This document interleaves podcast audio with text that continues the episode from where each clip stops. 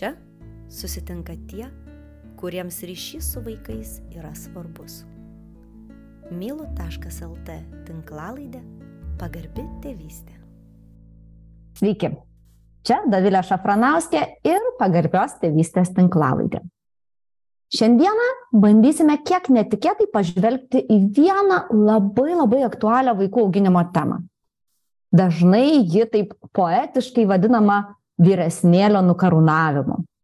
Na, o iš tiesų tai yra tiesiog kūdikio, naujo kūdikio ateimas į šeimą. Neretai šitoje temoje dėmesys koncentruojamas į būtent vyresnio vaiko paruošimą, į jo jausmų prieimimą, supratimą, bet tarsi praleidžiama, jog ne mažesnė jausmų sumaištis vyksta ir tėvų, o ypatingai mamų širdise. Tad šiandien apie jausmus, naują mamos identitetą atkeliavus į šeimą mažylį. O su manimi psichologė, trijų vaikučių mama, Karolina Tarnauskenė, socialinėje medijoje savo mintimis besidalyjanti paskyroje išsipildymas motinystėje. Labas, Karolina. Labas, Davilė, sveiki visi. Ačiū labai, Karolina, kad prisijungiai ir tikrai tokia mm, jautria tema pakalbėti. Bet aš norėčiau pradėti šiandien nuo tokio klausimo, į kurį greičiausiai atsakymo nėra, bet pabandykim. Ar yra kažkoks geras, geresnis, geriausias laikas planuoti antrąjį vaikelį šeimoje? Nes vieni sako, kad na šaunu yra turėti pametinukus, panašaus amžiaus, bus draugaus, kiti tvirtina kad kaip tik didesnis amžiaus skirtumas ir mažiau problemų nes vaikas daugiau gali visko suprasti o gal iš tiesų viskas visai ne apie amžiaus skirtumą ir e, kaip tau atrodo na tu nuolatos dirbi irgi su mamom ką verta apmąstyti ar gal, ar gal į kažkokius klausimus savo atsisakyti prieš planuojant antrąjį vaikelį. Mhm. Tai iš tikrųjų šito klausimo esu sulaukus ne kartą ir iš moterų, su kuriam bendrauju. Ir kiekvieną kartą sulaukus tokio klausimo man kyla toks šypsnis nevalingas, prisiminant ir tą posakį, kad mes planuojam Dievas juokiasi, taip pat prisiminant net ir savo pačios patirtį, kai an, an, antrojo vaiko labai užsinorėjau anksti, bet atkeliavo tik tai po keturių metų nuo pirmojo. Trečiasis vaikas bandė atkeliauti, bet nepavyko ketvirtasis, nu, ta prasme, trečiasis neštumas nutrūko, ketvirtasis neštumas paskui buvo dar per, po pertraukos. Tai ta prasme, mano pačios patirtis tokia, kur atrodo planuok neplanavęs, bus taip, kaip turi būti. Ir moteriams, su kuriuom kalbėdavau tą temą, visą laiką sakydavau, bet žinot, dalindamasi savo pavyzdžių, sakydavau, kai gimė antroji ir pamačiau, ką reiškia turėti du vaikus, aš labai džiaugiausi, kad dievulis sudėliojo taip. Nes mano pirmasis vaikas buvo labai labai tikrai dėmesio reikalaujantis, jautrus. Ir galvojau, jeigu būtų, būčiau tapus dviejų vaikų mama anksčiau, aš nežinau, kas man būtų buvę. Tai čia tokia mano patirtis. O šiaip kalbant apie tą skirtumą, iš tikrųjų tų argumentų, kada geriau ten, koks galėtų būti skirtumas tarp pirmo ir antro vaiko, tų argumentų yra visokiausių ir pliusų ir minusų ir prie mažo skirtumo, pliusų ir minusų ir prie didesnio, pliusų ir minusų ir prie iš vis didelio tokio, kur ten jau šeši metai ir daugiau, kaip sakoma, tada, kad auginam vaikus kaip, nu, kaip vienturčius, nes jie praktiškai asmenybės vienas kito jau nebe, nebe, nu, nebeįtakoja. Bet tai nereiškia, kad tai yra privalumas, kad jie neįtakoja vienas kito asmenybės. Mhm. Tai va, o tai vat šitoj vietoj nelabai galėtume pasakyt kad yra kažkoks vienas išskirtinis amžius kad vat toks skirtumas geriausias ir ne kitaip. Bet kas liečia fiziologiją moters nes moteriai vis dėlto organizmas turi ir išnešiot vaikelį ir pagimdyt paskui žindymas nuovargis bemiegės naktys nu to krūvio tikrai yra labai daug. Tai vat fiziologiškai yra manoma kad labai geras skirtumas yra trys keturi metai nes e, per tą laiką jau yra spėjęs atsistatyt moters kūnas ir tuo pačiu toks yra manimas, kad dar nespėjęs pamiršti pirmosios gimdymo patirties, savotiškai tokiu atveju gimdymas, nu, turėtų būti lengvesnis, tokia tendencija, bet vėlgi čia, nu, čia su klaustuku, nes būna moterim visai iš tiesų. Viso, visokią tą gimdymo patirtį mums ir tas vaikelis atneša. Nesvarbu, ar pirmas ar antras. Tendencija, aišku, yra tokia, kad antras būna šiek tiek lengvesnis. Tai va, bet e, kas liečia mane ir mano mintis ta tema tai aš manau kad taip kaip tu pasakei, taip ir yra iš tiesų, kad ne tai yra svarbiausia. Tuo pačiu suprantu, kad suplanuot norisi, nes mes, kai bandom planuoti, mes jaučiamės saugiau. Mes galvojam, kad mes kontroliuojam savo gyvenimą, mums tiesiog viduje yra toks saugumo jausmas. Net jeigu ir nepavyksta iš karto taip, kaip mes suplanavom ir tikimės, vis tiek toks yra jausmas, kad, na, nu, aš vad kažkaip tai įtakoju tą savo gyvenimą. Daug sunkiau būna, kai aš tiesiog atsiduodu, nu tai kai bus, tai bus, bet tada yra labai daug nesaugumo. Tai va, tai aš manau, kad esminis dalykas yra iš tiesų va, savo viduje išieškoti tų atsakymų į tokius klausimus. Ar aš noriu vaikelio, bet aš noriu tikrai to vaikelio, ar galbūt yra kažkokie kiti motyvai mano giliai viduj, kurie gali tarsi man e, sukeltą jausmą, kad aš noriu to kito vaikelio, bet galbūt viskas yra ne apie tai. Ir tai gali būti tokie dalykai, kaip tarkim, noriu tiesiog pokyčio savo. Nes kaip auginam pirmagimį, labai daug atsiranda tokios rutinos, vienodumo, lygumo. Ir kar kartais ateina moterim tokia, pasidaro taip tuščia viduje, kažko norisi iš gyvenimo, kažko naujo. Ir tada atrodo, ką, čia, ką čia naujo. Į naujus namus gal čia dabar nepersikraustysiu, į kažkokią ilgą kelionę neišvažiuosiu. Galbūt santykiai su vyru tuo metu irgi tokie papilkėja, ar ne? Ir kažko norisi naujo, nes mes moteris tokios esam vis tiek jausmų būtybės, emocijų ir mums naujumai mums atneša tarsi gyvenimo jėgos. Ir tada ateina ta mintis, tai gal vaikelio.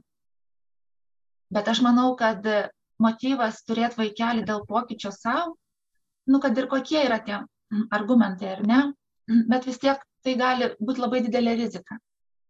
Nes tas pokytis su vaikeliu, atsiprašau labai, jis gali būti visai netoks, kokio mes tikimės jis gali visai nepatenkintų mūsų poreikių, kurie vat, buvo tokie truputį išlindę.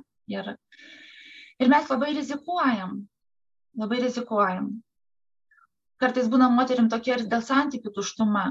Tarkim, santykiai su vyru galbūt nelabai klostosi tuo laikotarpiu ir tai yra natūralu kažkiek, nes gimus pirmagimiui, nu viskas labai keičiasi, ar ne? Ir labai dažnai mes ilgą laiką nebetrandam to tokio m, ryšio su vyru, koks buvo galbūt iki neštumo, iki motinystės ilgai mes neprisitaikom galbūt ir galbūt tiesiog suskubam galvot, kad tai gal čia reikia antro vaikelio, nu ir su pirmu tas būna, bet arba ne dėl pačių santykių, kad juos sutaisyti, bet vėl, vėlgi dėl tos vidinės tuštumos, kurią moteris išgyvena. Galbūt santykiai jos ne iki galo užpildo ir jinai galvoja, kaip man tą vidinę tuštumą užsipildyti. Ai, tai va, tai galbūt vaikelis galėtų ateiti dar vienas ir tų emocijų ir tų jausmų būtų dar daugiau. Tai va, tai atsakyti šituos klausimus savo ir tiesiog pagalvot galbūt ir tiesiog racionaliai, kokios tos mūsų gyvenimo aplinkybės dabar.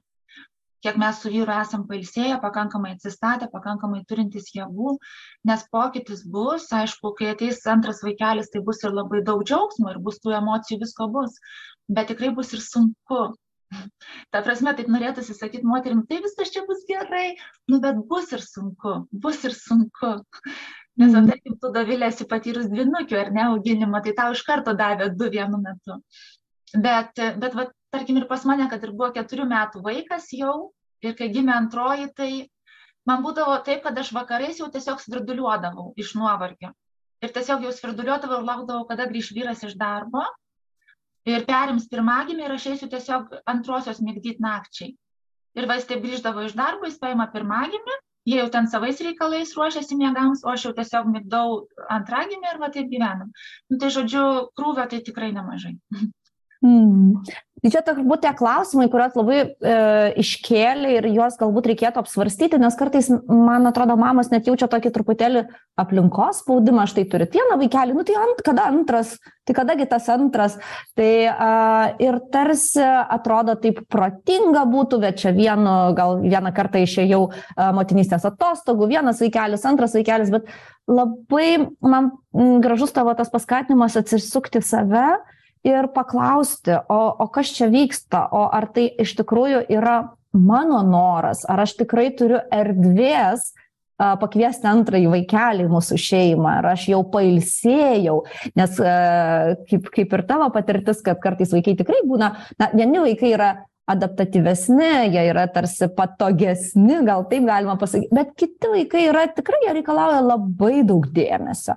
Ir uh, neretai būna, kad tas antrasis neštumas atkeliauja tada, kada mama dar net nespėjus tarsi grįžti į save. Po... Mhm.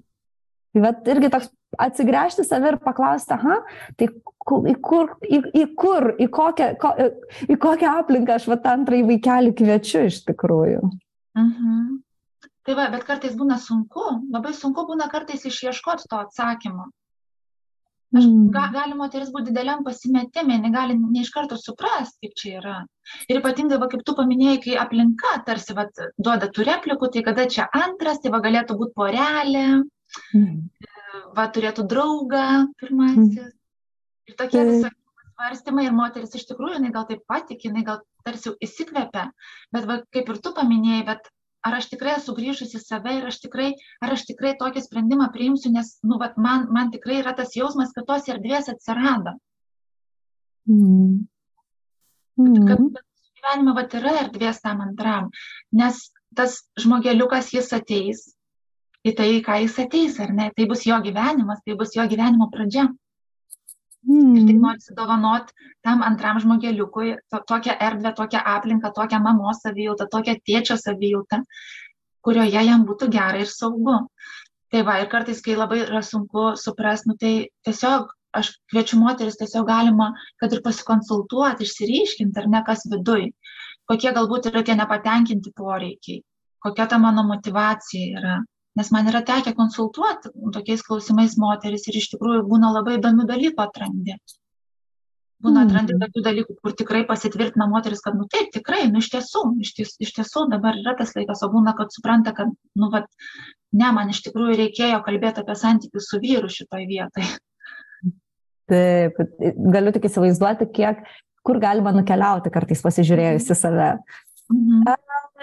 Bet pakalbėkime apie antrąjį neštumą truputėlį, nes aš vis galvoju, a, žinai, aš tik vieną neštumą turėjau, tai negaliu e, lyginti iš savo patirties, bet man atrodo, pirmasis neštumas jis dažnai susilaukia daug labai dėmesio. Mes sulėtėjom, mes daug skaitom apie kūdikius, mes tarsi ruošiamės, kuriam jau ryšį su vaikeliu.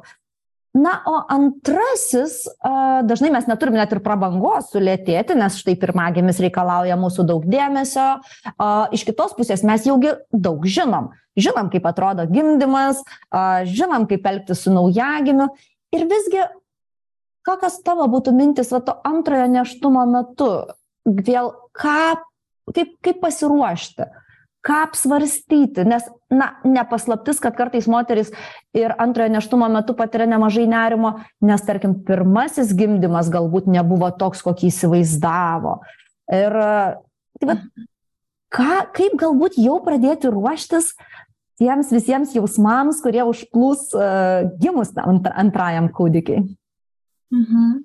Taip, tikrai tu labai tiksliai paminėjai, kad su pirmuoju mums būna toks nu, lengvas šokas, ar ne, dažniausiai tai yra malonus šokas, kad vat, viskas jau pagaliau čia tas neštumas, aš tampu mama, viskas nauja ir mes, ta prasme, mums net nereikia dėti sąmoningų pastangų tą neštumą išgyventi, nes mes jį tiesiog išgyvenam, nes tai yra visiškai nauja patirtis.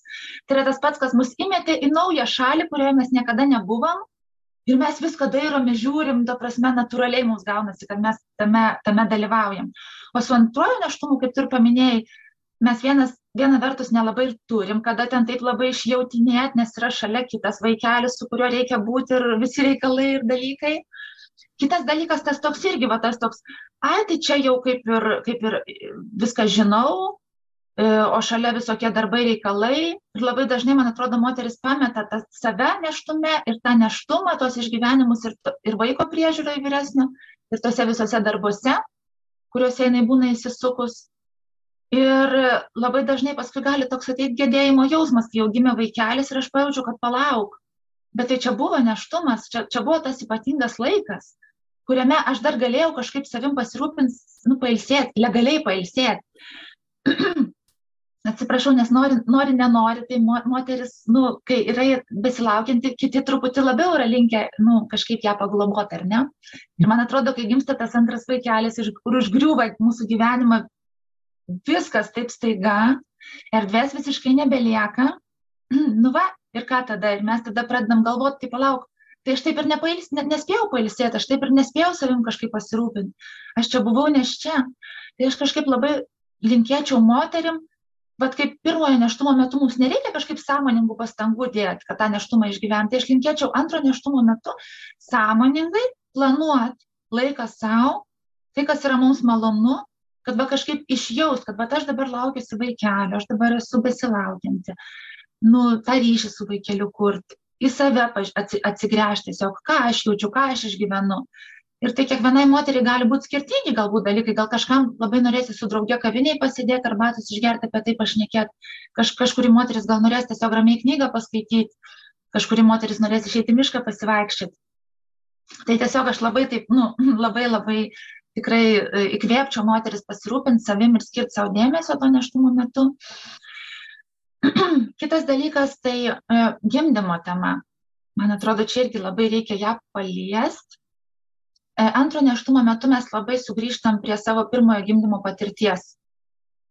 Jeigu ten kažkas buvo įvykę, kas buvo ne visai malonaus, kas buvo mums skaudu, kame mes jaučiamės apvoktos, nukentėjusios, iš ko išnešėm skaudulių, tai jeigu ilgą laiką mes tarsi, nu, bet tarkim, nebuvom to kažkaip išsprendę viduj, nu, tai mes tarsi kažkur ir nukišom savo, savo viduj, ten, nu, į kažkokį stalčiuką uždarėm, nu, ir kaip sakant, nebuvo malonu, tai ten, tegul ten guli ta patirtis, aš ją kada nors pažiūrėsiu, nežinau, kai ateis lengvesni laikai, ar ne? Arba gal visai niekada nepažiūrėsiu.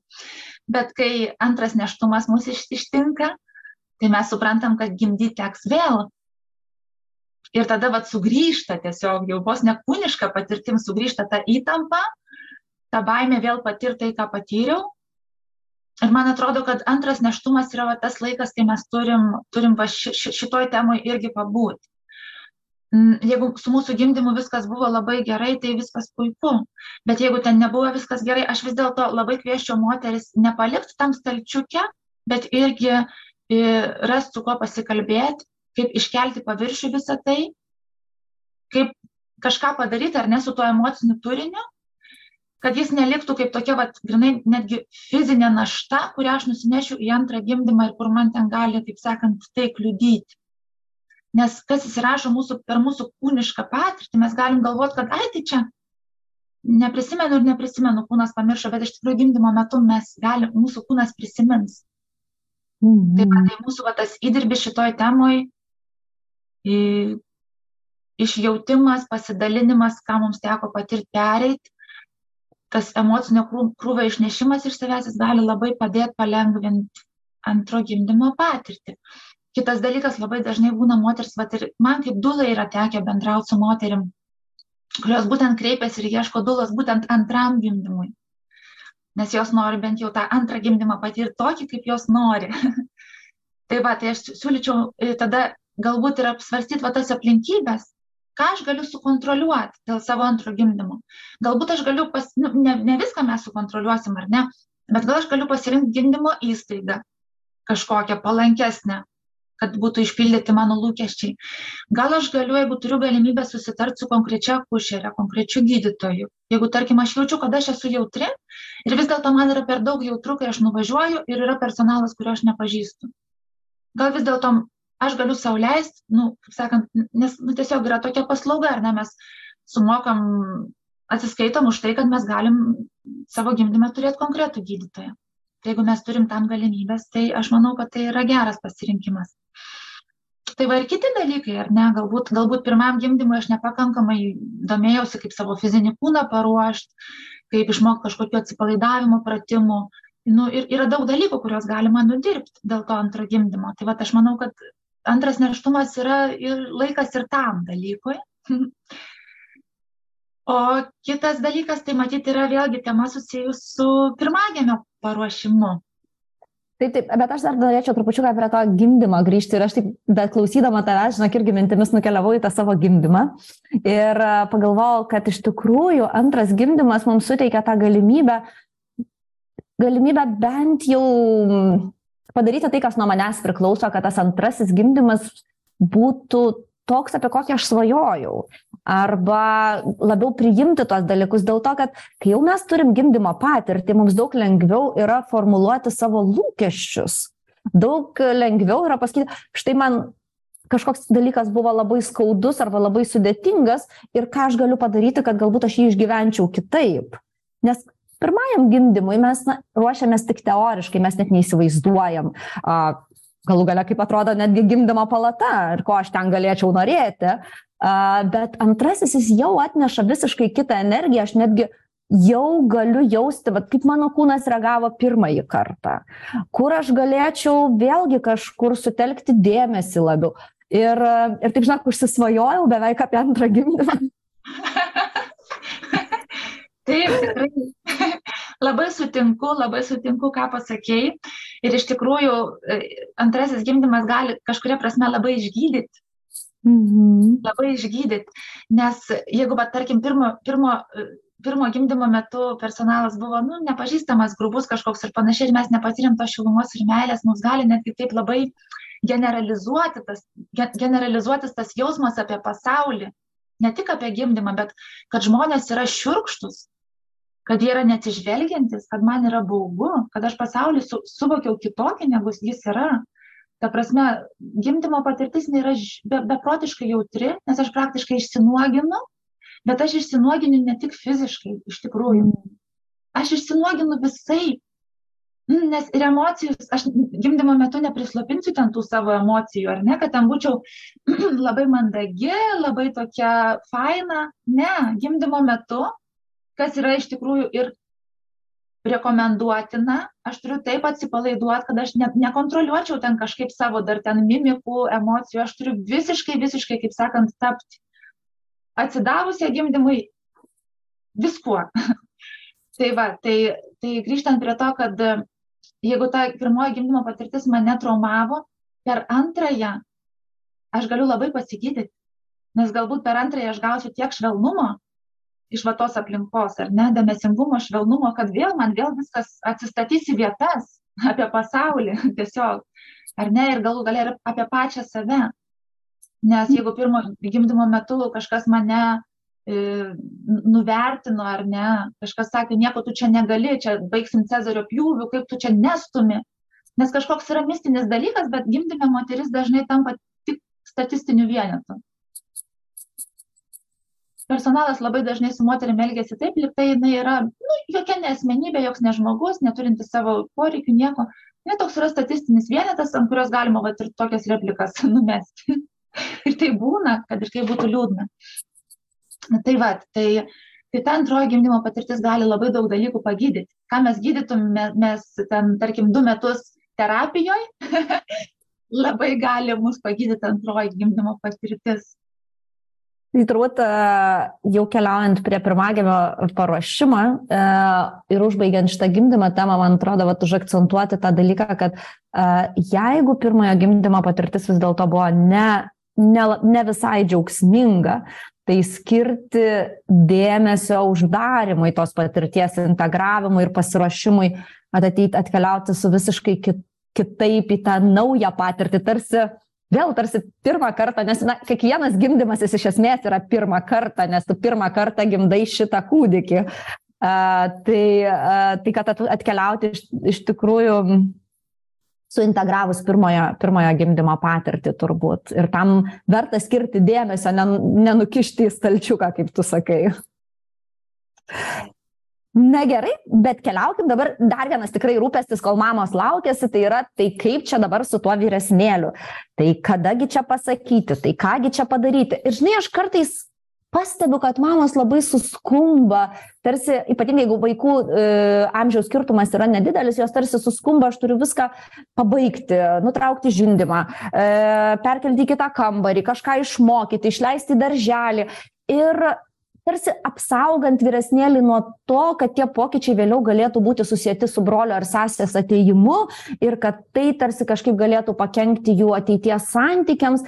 Ir neretai girdžiu, kad tada mama sako, ah, ir jaučiuosi tokia bloga mama, nes tiek apvagiu savo vyresnėlį, aš čia tiek visko iš jo atimu tam tikrą prasme. Ir kaip su šitu kalties jausmu, kaip va tas vyre, kaip mamos jausmai tame vyresnėlio paruošimo fone e, vystosi ir kaip ten su ta kalte ir turbūt tokiais visais jausmais, kuriuos mes galime išgyventi tik tai motinystėje, nes jie yra tokie komplikuoti ir daugelypiai, kad kitur tokių nėra.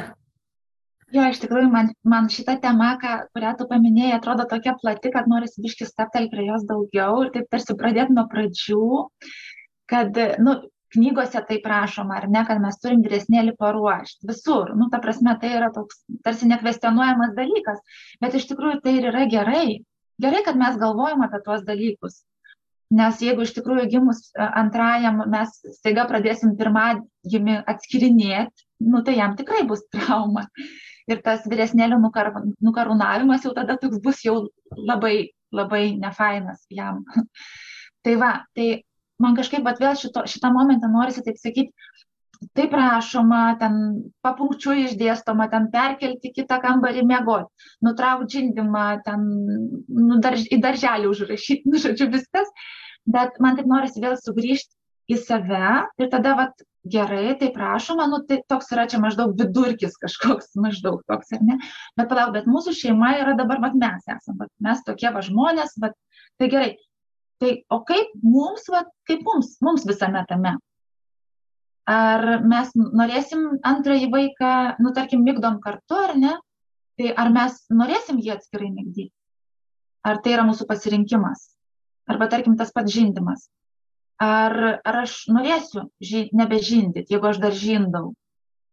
E, darželis, ar ne? Ar mes būtume planavę savo vaiką leisti darželį tokiam laikė, jeigu ne antrasis? Ir viskas gerai, ta prasme, tikriausiai mes atsakysim į tos klausimus ir taip. Bet esmė yra, kad mes, tai būtų mūsų pasirinkimas visų pirma kad tai nebūtų, kad kažkas pasakė, ten, nežinau, Anita liepia taip padaryti, ar ten draugės mane primiktinai verčia, kad aš tą daryčiau. Nes kai mes apsisprendžiam, kad tai yra mūsų pasirinkimas, atitinka mūsų situaciją, mūsų vertybės, tai atsakomybė jau yra mums. Viskas, tai yra mano pasirinkimas, mano kelias. O tada, aš kaip sakau, pokyčiai reikalingi, tas pasiruošimas reikalingas, bet E, geriausia būtų, kad tai įvyktų taip, kad net nepasijustų švelniai ar ne. Aišku, yra dalykai, kurie, nu, pasijaučia, ne, jeigu tu mėgoji tėvų lovoje ir staiga tave perkelia į kitą lovą, nu, tai, tai negali, negali taip, kad visai nepasijus. Bet kad nebūtų tame kažkokių tokių labai stiprių kontrastų. Tai va, nes, tarkim, vaikas perkeltas staiga iš tėvų lovos, kuris dar yra naktim žindamas į kitą kambarį, ir nebežindamas ir perkeltas į kitą kambarį. Taip, jis nesusijęs to su pirmagimiu gimimu, kuris dar negimęs, dėl to jam nebus traumos, bet jam tiesiog bus trauma dėl to, kad, kad jis yra perkeltas. Tai va, tai, tai tiesiog viską labai apsvarstyti ar net išvelginti savo e, aplinkybės. Ir kitas dalykas vėlgi, kad nu, tas savotiškas pirmagimio didesnis atskirimas nu taip, jis, jis įvyks, norim, nenorim, jis įvyks. Ir ar mes susilaukiam antro vaikelio, ar nesusilaukiam, vis tiek pati motinystė yra apie tai, kad mes visą laiką pamažu vaiką paleidžiam. Ir nuo pat gimimo, ar ne iš pradžių jis mums atrodo iš vis toks kaip mūsų kūno tesinys, paskui jis jau pradeda ropot, pradeda vaikščioti. Ir praktiškai mamos širdyje visą laiką yra tas toks, oi, nu va, jau, jau mes nebe tokie artimi, jau, jau jam nebe taip manęs reikia. Aišku, kai kurios mamos ir džiaugiasi tuo, nes rankos laisvesnės, tai būna visai. tai va, bet e, čia va, vėl grįžtant prie tų emocijų, ar ne? Kuo mama, kuo mama sveikiau vaiką paleidinėja jo, nu, atsižvelgiant į jo raidą, jį augindama, tuo paskui netoks didelis kontrastas jaučiasi, kai mes jau laukiamės antrojo ir jau nu, pradedam va tuos tokius paruošiamuosius darbus su pirmagimiu.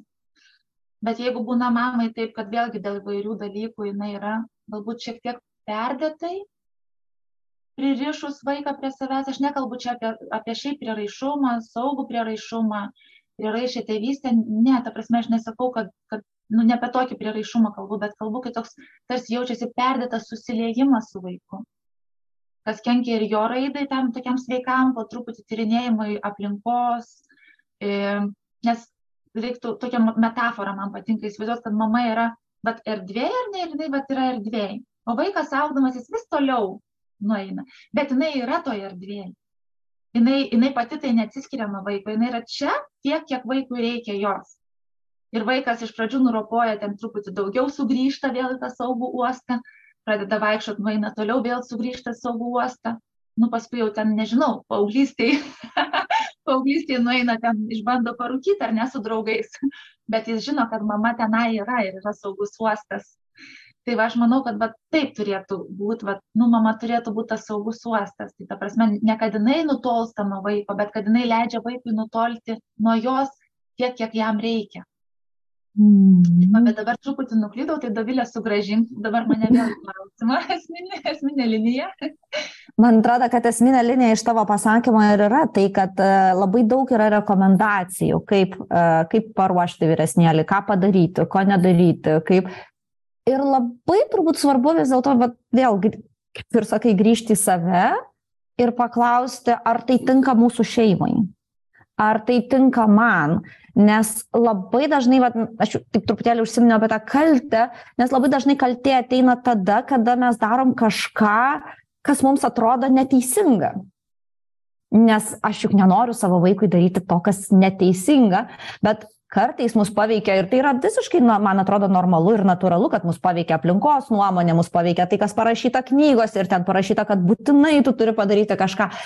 Ir tada, kai mes einam ir darom pokyčius ne iš savo vidinio tikėjimo, bet labiau iš primestos nuomonės, bet ten tos kalties tada gaunasi labai daug, nes mūsų tarsi vidinė aš sako, ką tu čia darai, dėl ko tu čia darai. Mhm.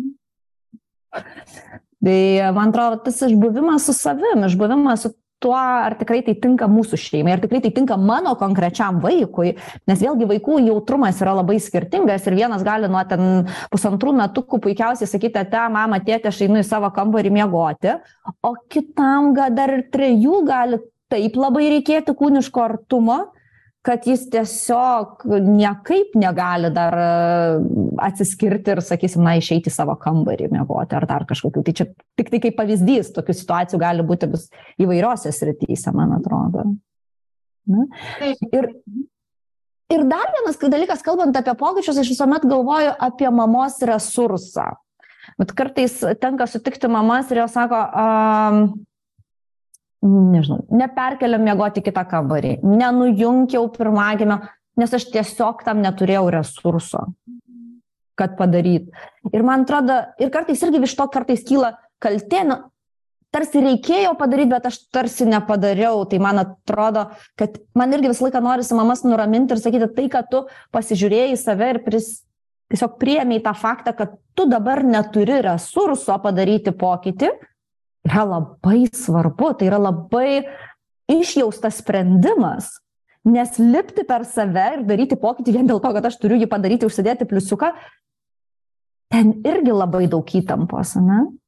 Labai labai tikrai pritarčiau, labai pritarčiau, va, tas va, sąmoningas, sąmoningas sustojimas toj temai ir pripažinimas pačiai savo, kad aš suprantu, kad nu va galbūt tai būtų gerai, galbūt tai dovanotų mums paskui lengvesnį laiką kažkuriam prasmėm, bet aš dabar negaliu. Ir iš tikrųjų, va, tas netur, resursų neturėjimo momentas, aš pati, va, pati labai puikiai žinau šitą jausmą ir, ir ant savęs. Kai būna gyve, motinystėje tokių momentų, kur atrodo, tu žinai, kad va, dabar taip reikėtų, bet tu neturi resursų, tu tiesiog neturi. Taip, tame yra labai daug ir tokios ir kalties, ir bejėgystės, ir tokio mm, beviltiškumo visiško, bet tas yra labai svarbu, labai svarbu tas yra priimti, kad aš dabar tokia esu.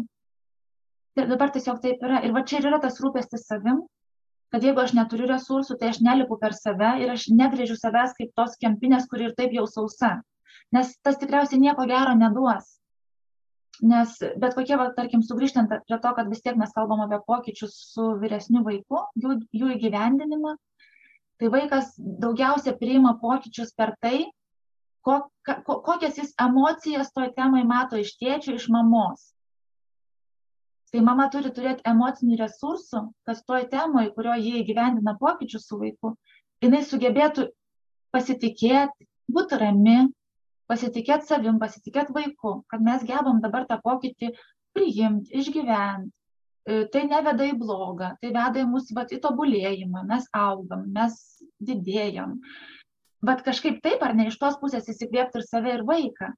Nes jeigu mama tą darys per jėgą, neturėdama resursų, ir tada galiausiai tiek išseks, kad tiesiog šalia vaiko verks, pati nebesuprasdama, kas jai atsitiko, nes turėkime omeny, kad tai yra antras neštumas, o neštumas duoda ir šiaip emocijų daug, tai galim mes pridaryti tai bėdos negu, negu, negu to pliuso kažkokio. Tai gal netgi tokioje situacijoje iš tikrųjų verta ir atidėti visus tos pokyčius ir tiesiog žiūrėti, ką gyvenimas atneš. O gal gyvenimas atneš antrą vaikelį ramų ir mes ten toliau galėsim su tuo vyresnėliu miegot kartu ir, tarkim, pasidalinsiu savo pavyzdžiu, kad mano vat, vyresnėlis, kaip sakau, nu, jam labai reikėjo manęs ir nors jam buvo keturi metai, bet kai gimė mano mažoji, tai aš su abiem vaikais mėgojau toj pačioj lovoj, dar pusę metų.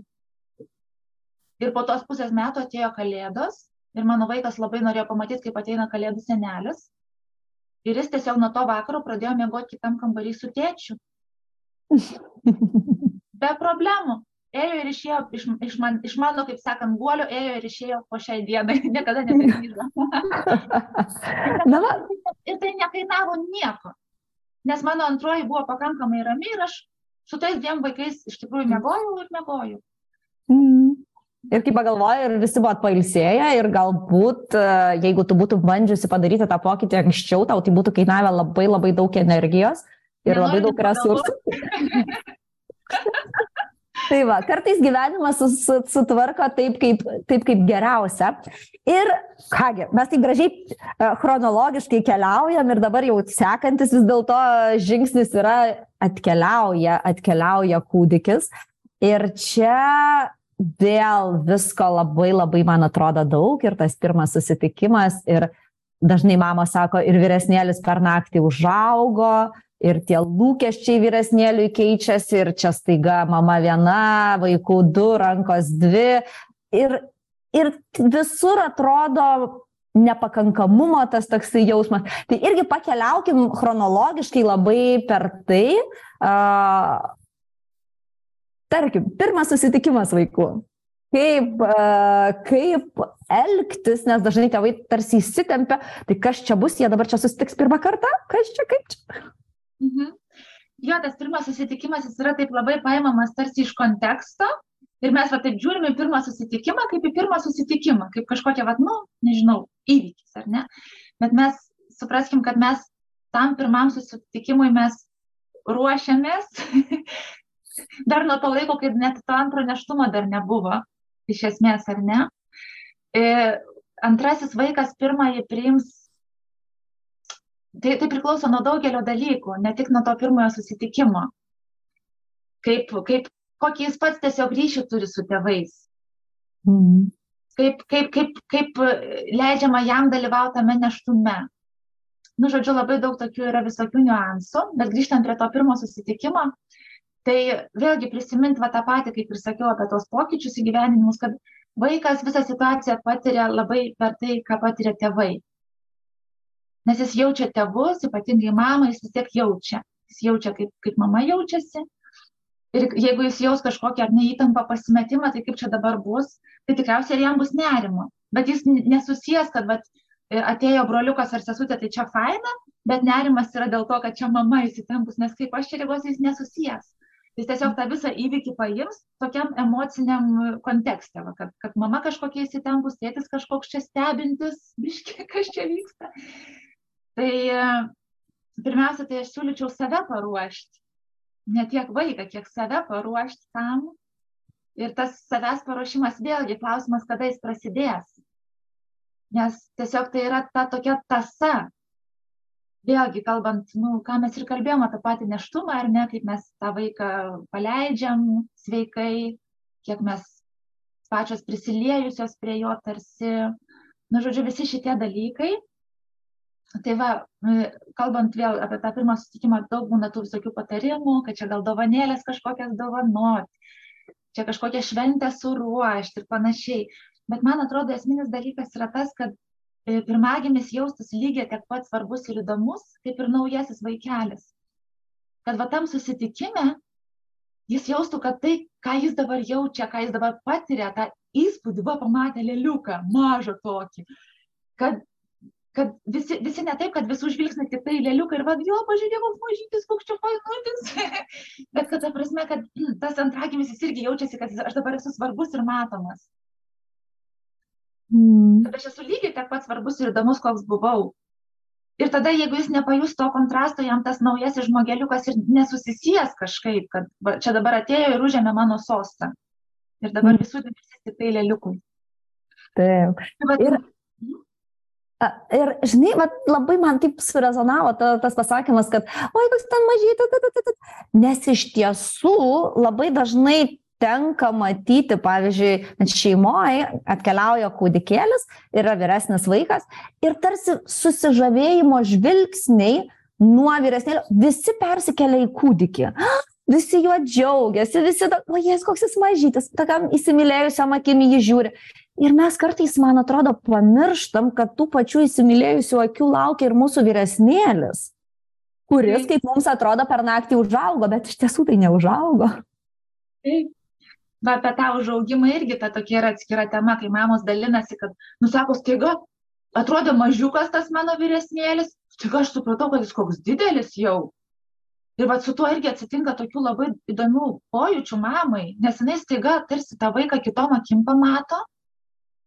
Ir tada atrodo, tai palauk, tai, tai kažkaip tarsi vos ne, tai tada gal iš jo ir reikalaut galima daugiau ir kartais netgi tie reikalavimai tokie pasidaro net per dideli, negu iš tikrųjų galima. Ir tarsi tas toks noras, tai kaip tu nesupranti, taigi čia lėliukas, taigi čia mažiukas, taigi jam reikia dabar jo rūpintis reikia. Tai tu palauk dabar. Bet jis gal, tas pirmagimis irgi gal dar mažiukas, ar ne, jis gal dar neturi tokių labai gerų gebėjimų ten save sukontroliuoti ir palaukti. Tai va, tai, tai, nu, jo, to, tokį dalyką prisimint, kad nors kontrastas su naujagimiu antrasis pasirodo labai didelis, tiesiog fiziškai didelis, bet iš tikrųjų psichologiškai e, tai nu, jis taiga neužaugo, jis pats tai taiga neužaugo.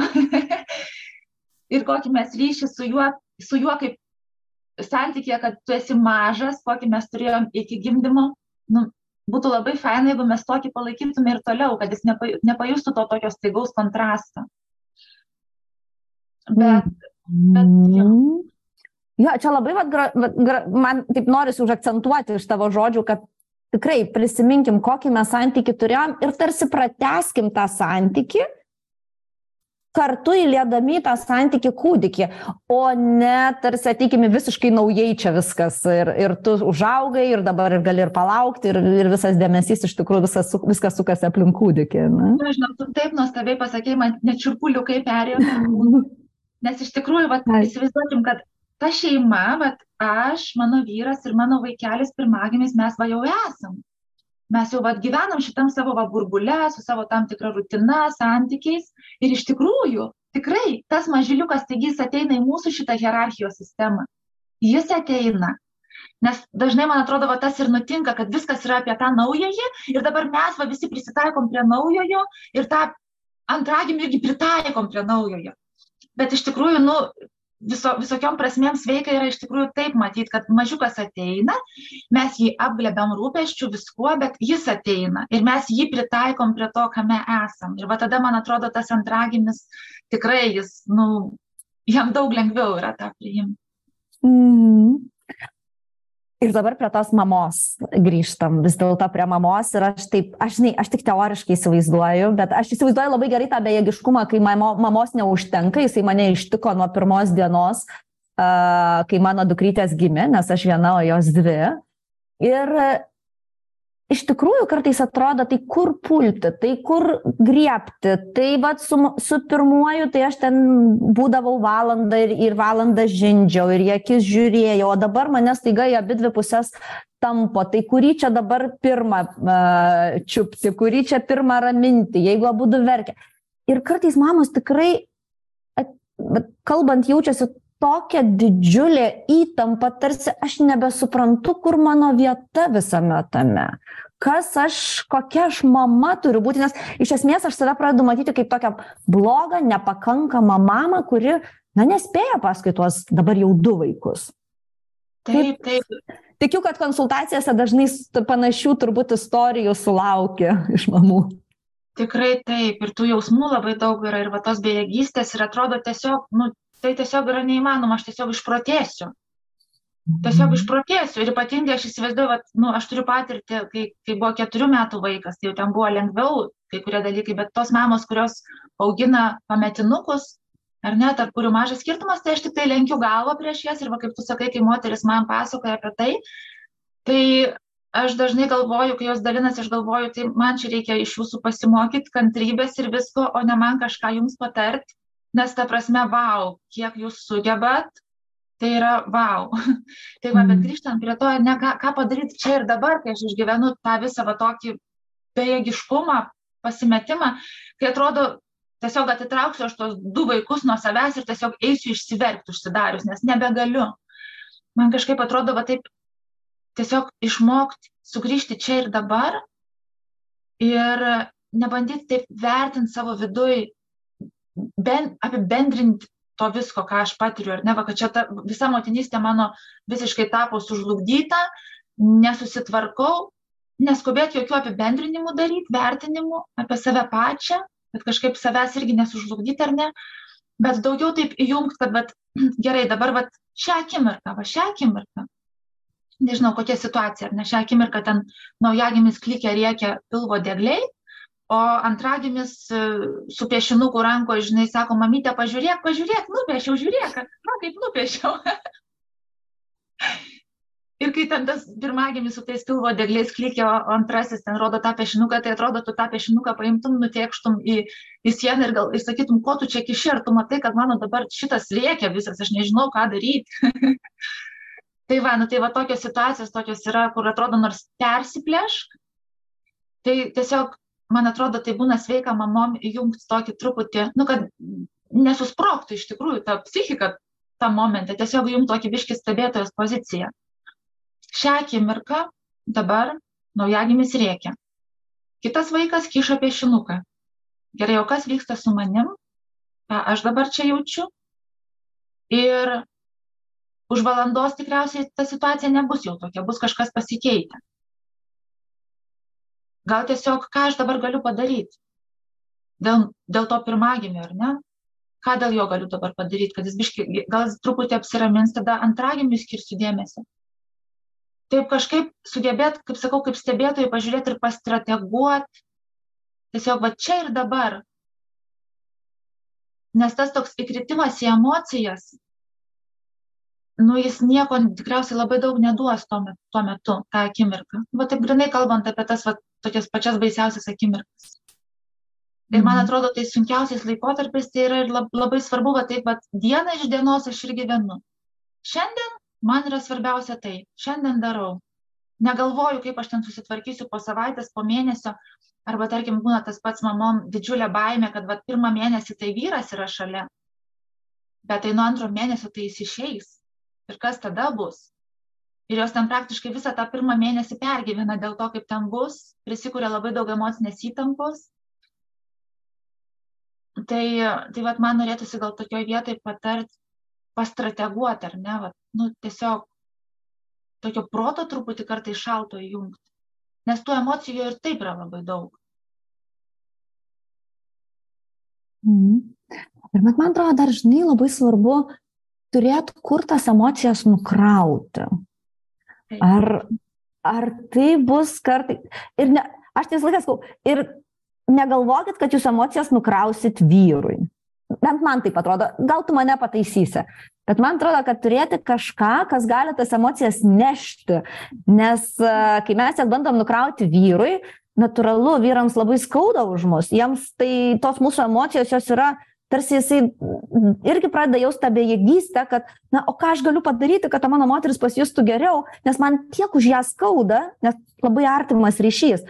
Tai man atrodo, daug sveikiau nukrauti tas emocijas, nežinau, draugiai, kuri, kuri gali jas priimti, išklausyti, išsipurtyti ir, ir nueiti, galų gale psichologijai, uh, kažkam kitai mamai, e, su kuria susitinkam parke ar dar kažkur. Bet turėti tą vietą, kur be teisimo būčiau išklausyta, tos mano emocijos būtų surinktos. Nes, nu, kartais tikrai galim sprokti, kaip tu sakai, iš to didelio burbulo. Tai pataisyk mane, ar nukraunam vyrui, ar nenukraunam. tai pradėsiu nuo to, kad, tai vat, kai kalbėjau apie tą, kad tiesiog jungiam stebėtojo poziciją ir pastrateguojam ar ne, tai jo, tai vat tą norėjau, bet to pačiu ir norėjau irgi vat tą ir pasakyti, kad bet tos emocijos lieka mumise ir mes po to vėliau mes jas turim kažkur nukrauti. Nu, tai būtų labai gerai, kad mes tą padarytume.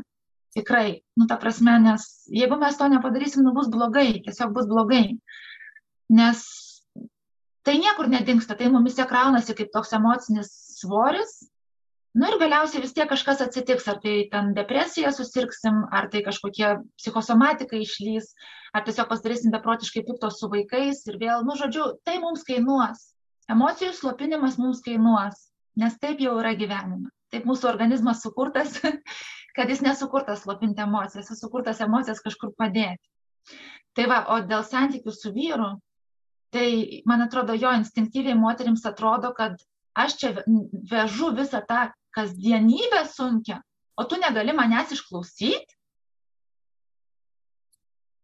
Ir man atrodo, kad kai mes, kai mes vat, sutelkiam visą tą dėmesį, kad vyras padarys šitą darbą su mumis, tai nu, tada yra atsiranda ta rizika, kaip sakoma, kad labai santykiai gali pablogėti ir taip dažnai nutinka, nes vyrai, nu, jiems yra sunku pakelti tą patį per tą patį kiekvieną dieną. Jie nori sprendimą atrasti. Ir jie, jie, jie net ir moteris, kai išsikalba, jie nu, tikriausiai retas, kuris gebės tikrai taip išklausyti, kaip jai reikės. Jis tiesiog pradės kišt patarimus. Ir ta prasme, nu, aš sakau, kišt gal taip negražiai išsireiškiu, bet, nu, nu, vyrai vat, iš tos pačios meilės didelės, kaip ir tu, Davilė, paminėjai, jie, jie nori padėti moteriai.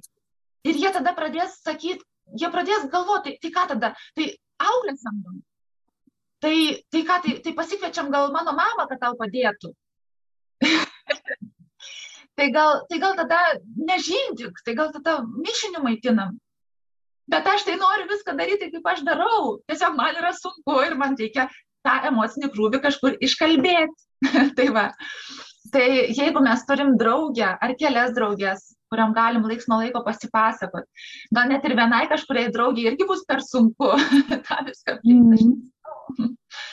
nu, nuostabios tos draugės, kurios kiekvieną dieną gali išklausyti, nu tikrai, nes, nu, pagalvokim, kad kiekvienas suaugęs žmogus turi ir savo gyvenimą dar, galbūt ir savo vaikus, galbūt ir savo kasdienybę, tai Bet, ta prasme, va, turėti porą draugių, tris draugės. Vieną dieną vienai pasipasakoju, kitą dieną kitai dabar yra nuostabus dalykas garso žinutės. Taip. nu, tai aš atsimenu irgi, kai, kai mano tre, trečiasis e, buvo mažytis, tai išeidavau į lauką 20 minučių, kai vyras grįžta iš darbo ir aš tiesiog ta, tas visas minutės įrašinėjau garso žinutės. Vienai draugiai rašau, papasakoju, kaip jaučiuosi, kitai rašau ir aš grįžtu su jausmu, kad aš pabendravau ir man yra ramiau viduj. Tai va, nu, ta prasme, tai, tai, tai toks va išsikalbėjimas iš šiais laikais yra labai toks, nu, prieinamas. Nu, ne, nereikia kažkur važiuoti, kažkur susitikti, gal, galų gal net, net skambinti nereikia, nes kartais kitas žmogus galbūt negali tuo metu kalbėti. Nu, tiesiog, tai čia tokie variantai. Tai va, bet, bet išsikalbėti tikrai reikėtų, tikrai reikėtų ir, nu, taip, kaip, kaip ir tu, Davilė, paminėjai, aš irgi rekomenduočiau nedaryti to tik su vyru. Mm. Ir man dar norisi labai paliesti, vienas, viena dalis ateina daug sunkumo iš, tų, iš to, kad mes tiesiog fiziškai pavargusios, iš to, kad vaikai du, iš to, kad mūsų per mažai. Taip. Bet man atrodo, kad labai daug yra tokių e, dvilypių jausmų, kuriuos labai sunku mums priimti, kaip tarkim, a, taip, mano vyresnėlis dar mažas, bet to pačiu aš iš jo tikiuosi, kad jisai palauks. Mes jau buvom tokia faina šeima iš trijų, dabar atkeliavo ketvirtas ir šita šeima man dabar visai nepatinka. Nu, ne, ne, aš iš tiesų myliu savo šitą kūdikį, bet, bet man nebepatinka čia būti. Ir žinai, man atrodo, lab, apskritai čia toks motinystės momentas, ne? Ir kartais net, kai atkeliauja antras kūdikis, pokalbiuose su mama, aš net esu išgirdus tokių prisi, prisipažinimų, sako, man kartais net atrodo, kad aš gailiuosi, jog mes turime tą antrą kūdikį, aš jį beprotiškai myliu, bet tuo pačiu man lik ir visai gerai mums ten trysia buvo, o dabar staiga viskas sugriuvo. Ir, ir čia toksai irgi vėl mes keliaujame tokį tarsi tą išgėdėjimą, tarsi paleidimą to, kaip buvo ir prisijaukinimą to, kaip yra. Kaip šitam procese galbūt mamai padėti savo arba galbūt kaip į tą procesą pažiūrėti kitaip kažkaip. Nes tikrai galima išpratėti nuo to, kad ir noriu, ir nenoriu, ir myliu, ir nemyliu. Mhm. Jo, čia labai daug visko ir man atrodo labai svarbu e, išmokti, visų pirma, išmokti e, nekaltinti savęs dėl to, kad kažką jaučiu. Nu, va, tarkim, ateina tas jausmas, kad, nu, gal geriau nebūtų buvę to vaiko, visai čia gražiai gyvenamo dabar kažkoks pragaras, chaosas pasidarė. Ir tada pradedam galvoti, o Dieve, kaip aš galiu taip mąstyti. Ir kaltinam save, pliekiam save, bet uh, iš tikrųjų tai, bet vėl man norisi kartuoti, kaip dažnai mėgstu sakyti, kad kartais mes išreikšti savo jausmą parinkam tam tikras frazes. Nu, va, tarkim, ta frazė, kad galbūt to pirmojo nereikėjo, ką jinai pasako tą frazę ar jinai pasako, kad jo tikrai nereikėjo, ar jinai tiesiog kalba apie tai, kaip aš jaučiuosi. Čia kaip ir būna žmogus sako, man taip sunku, kad aš nenoriu gyventi. Bet jis nekalba apie tai, kad jis va dabar eis ir nusižudys. Jis nekalba apie tai, jis tiesiog randa, va šitie žodžiai, jam atrodo, kad geriausiai apibūdina tai, ant kiek jam yra sunku. Tai va ir motinystėje mes labai dažnai ir, ir mintis mūsų irgi, jos mintis, va, va taip susiklosto ar ne, kad tam tikrą mano jausmą, va tokia mintis išreiškia kad gal, gal jo ir nebūtų buvę, bet kas už tos minties yra. Kad tiesiog taip, kad tiesiog aš noriu to vaiko, bet aš norėčiau, kad biški lengviau būtų. Tai mm. vadinasi, tai, tai išreiškia, kad man yra sunku. Nu, man yra sunku. Ir o tame momente, tai gal aš galiu save atjausti. Ir aš galiu, gal galiu prisiminti, kad aš nesu bloga, aš nesu kažkokia nevykėlė, atsigręžti save, pažiūrėti, kad aš tai darau viską, ką galiu. Mano visas gyvenimas dabar yra apie vaikus. Aš esu nuostabi mama, aš jais rūpinuosi, aš viską darau, ką galiu. O jeigu tas gyvenimas dabar atrodo kažkoks pragaras ir chaosas, nu tai vadinasi tiesiog, nu tiesiog tai peržengia mano galimybių ribas. Bet aš tai padarau viską, ką galiu ir aš dėl to galiu, nu, džiaugti savim aš nemetu visko ir neišbėgu kažkur ten laukais, miškais, tiesiog numetus ir sakydama, kad, nežinau, rūpinkitės kažkas čia tais vaikais, nieko man nebereikia. Aš nemetu, aš būnu, aš esu su jais. tai vad kažkokios tokios atjautos savo turėti ir prisiminti va tą, kad mano mintis, aš neturiu jomis patikėti. Kad mano mintis, jos, jos tiesiog yra, nu, žodinė mano jausmų išraiška mano galvoje. Tai tiesiog pažiūrėti, kas yra už tos minties. Mm, čia labai toks, sakyčiau, išmintingas patarimas, kad vat, nepatikėti mintimis. Nes minčių tikrai ateina kartais labai tokių, kurių mes pačios išsigastam, toks tarsi atrodo, nu, jau, kaip tu sakai, kaip aš galėjau šitai pagalvoti, bet galbūt pasižiūrėti, aha, tai ką, ką ta mintis man apie mane, nu, ką jinai čia man nori pasufleruot, kur jinai čia nori man pasakyti, galbūt jinai kaip tik kviečia mane, nu, kaip ir tu minėjai, galbūt jinai kaip tik kviečia parodyti daugiau atjautos savo, kad, einas, o nu jo, tau taip sunku.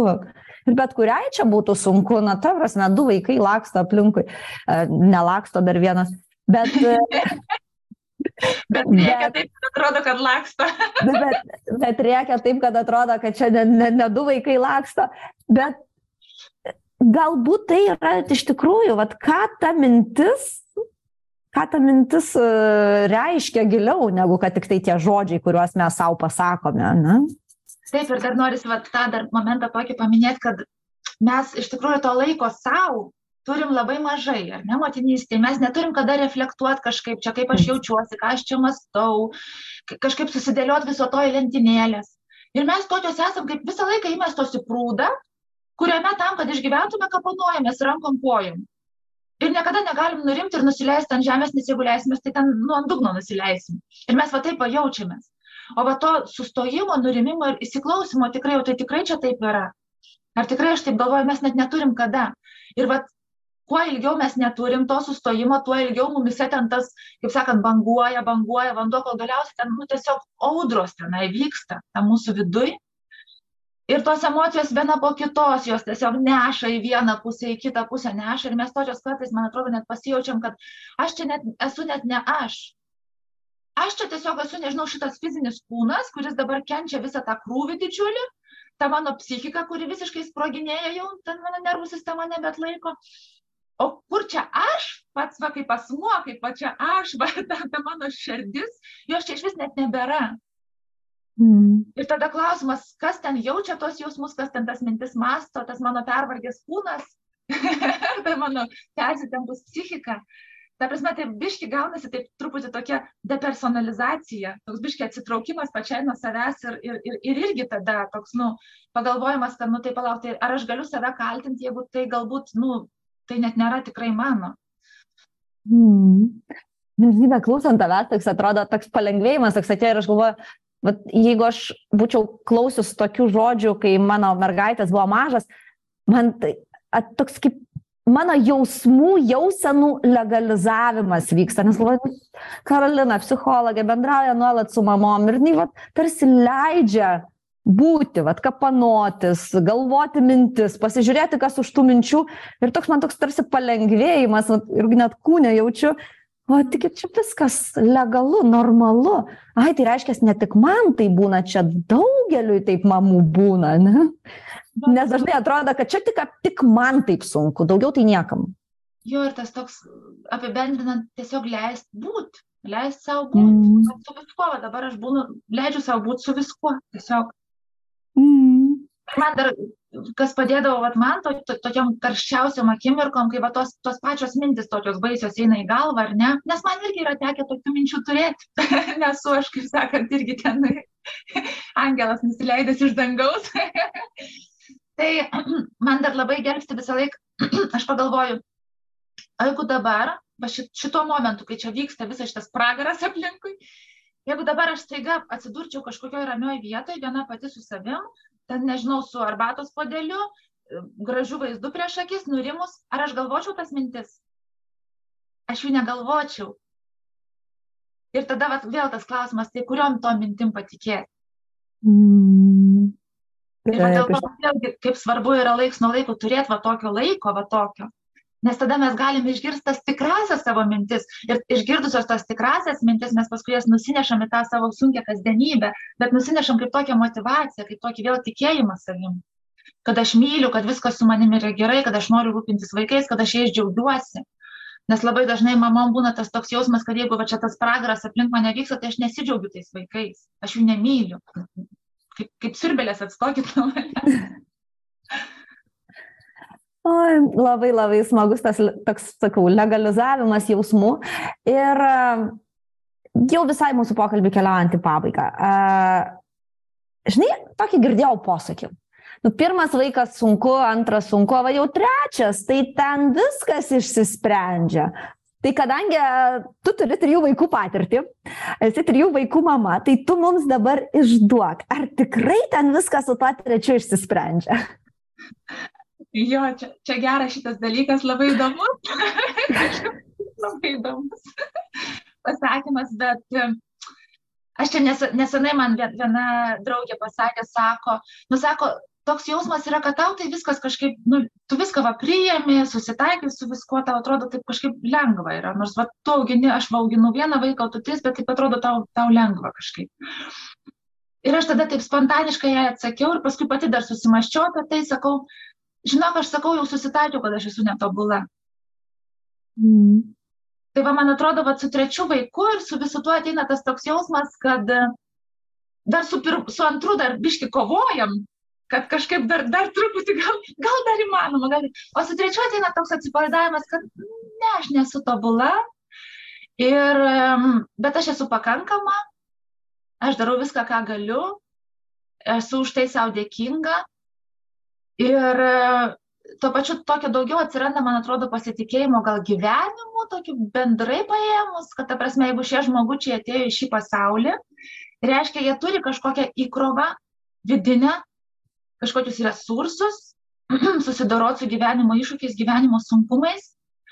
aukt, bręst, gyventi tą gyvenimą, kokį, kokį jiems likimas davė ar ne, bet aš nesu už viską atsakinga.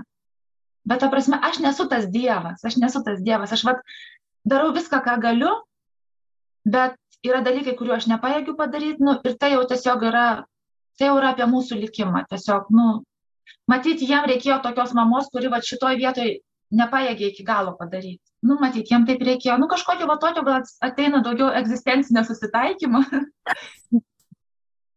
Super, tai čia, tak, žinai, įkvėpimas, įkvėpimas galbūt ir kartais nesustoti ties to antrų vaikų.